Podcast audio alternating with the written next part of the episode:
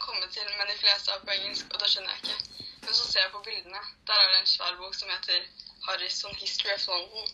Den er visst 100 år gammel, og det er så umåtelig mange bilder i. Foran står døden avbildet med timeglass og en jomfru. Det syns jeg er fælt. Men så ser jeg på alle de andre bildene med kirker og slott og store skip som seiler på havet.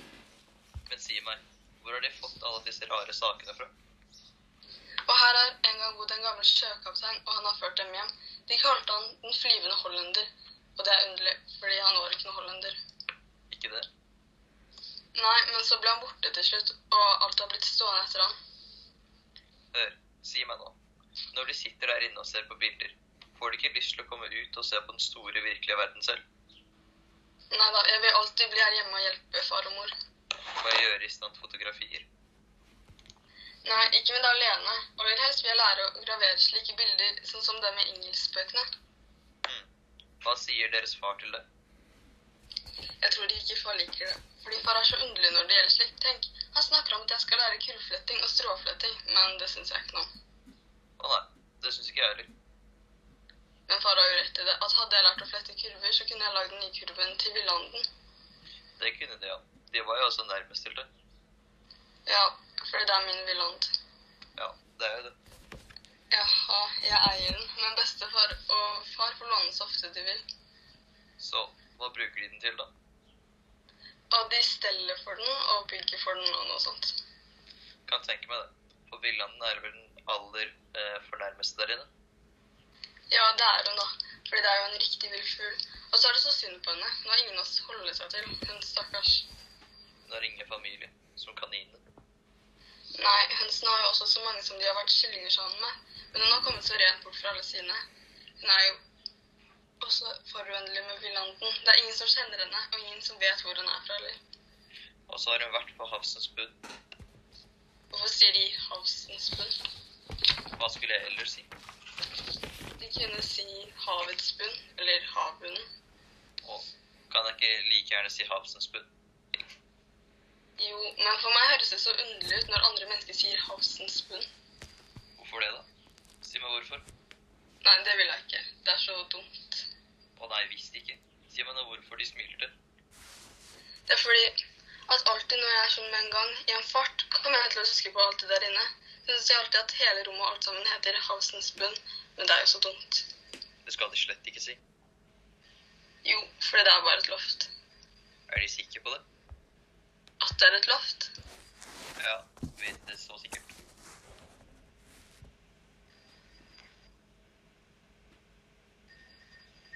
Jeg har nå kommet for tidlig over dem. Og et sted må de jo være. Og nå er det snart ferdig også. Rydd av bordet, Hedvig. Jeg hører de kan retusjere, fru Ekdal. Jaha, jeg kan det. De traff seg da riktig heldig. Hvordan heldig? Siden Ekdal ble fotograf, mener jeg. Hvor- m- Mor kan også fotografere. Å ja. Jeg har nok fått lære meg den kunsten. Så er det kanskje dem som driver forretningen. Ja, når ikke jeg har tid selv, så. Han er sakten så opptatt av sin gamle far. Han, kan jeg tenke. Ja. Og så er det da ikke noe for en slik mann som Egdal å gå her og ta port eh, portretter av kreti og preti. Det syns jeg også. Men når han nå en gang er slått inn på den veien, så Herr Verle kan da vel tenke seg at Egdal ikke er som en av de vanlige fo- fotografene? nå også allikevel. Men hva er det? Uff, nå skyter de igjen. Skyter de også? De går på jakt. Hva for noe? Går du på jakt, Hjalmar? Er du kommet? Det visste jeg ikke. Jeg var så opptatt. Og du som ikke sier oss til. Går du og skyter inne på loftet? Å, det er bare den her. Ja, du og gamle far kommer nok en gang til å gjøre en ulykke med den pikkstolen. Jeg tror jeg har sagt at en sånn skytevåpen heter pistol. Og det er da ikke stort bedre, det syns jeg. Nå kan de virkelig se villanden. Jeg står nettopp her og ser på den. Hun henger litt med den ene vingen, syns jeg. Nå er det ikke så underlig. Hun har jo vært skamskutt. Så sleper hun litt på foten. Eller er det ikke sånn?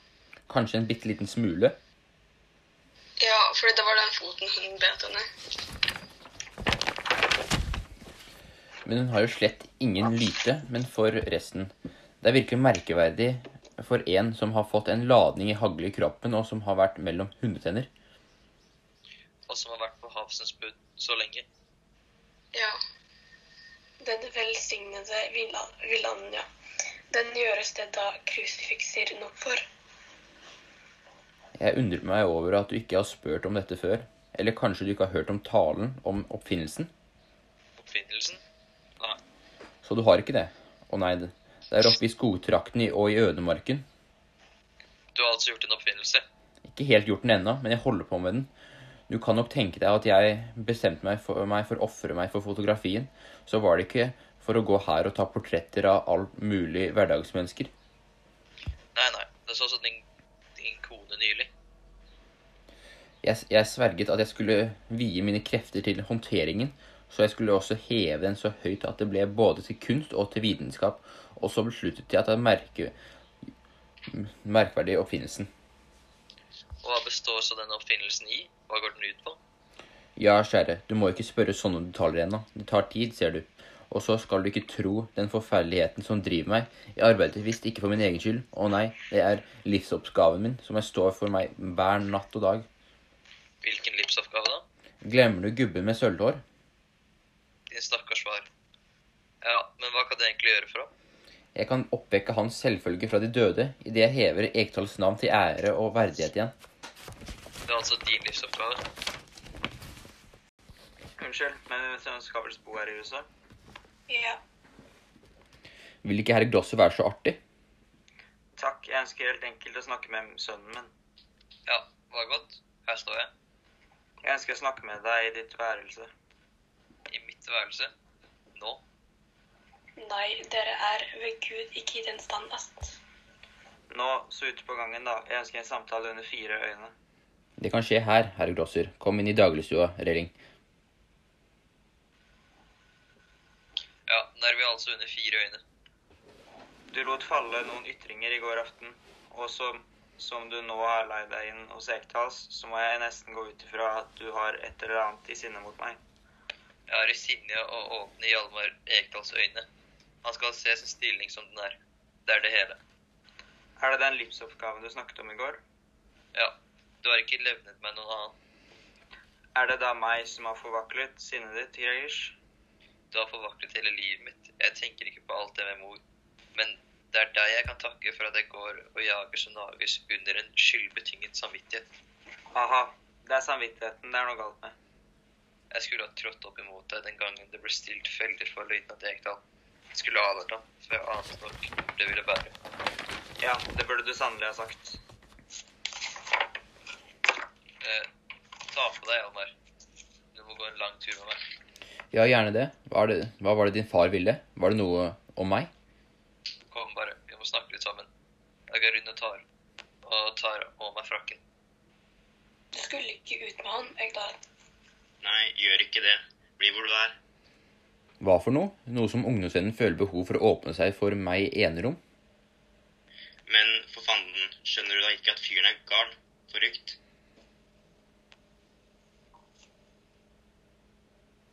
Ehm, ja, der kan du høre. Hans mor hadde også slike fysiske perioder iblant. Desto mer tid jeg har eh, vennenes årvåken øyne, la ledig middagsmaten være ferdig i god tid, farvel så lenge. Det er da også en ulykke at det mennesket gikk til helvete Nei, det er da ikk- også en ulykke at ikke det mennesket gikk ned til helvete ned i en av Høydalsgruvene. Jøss, hvorfor sier de det da? Å jo, for jeg har noe som mine forundringer. Tror de at unge Verpla er riktig gal? Nei, dessverre. Han er ikke mer gal enn folk pleier å være. Men sykdom har han riktignok i kroppen. Hva er det for noe som feiler han da? Jo, skal jeg si dem, fru Ekdal. Han lider av en akutt rettskaffenhetsfeber. Rettskaffenhetsfeber? Er det en slags sykdom, det?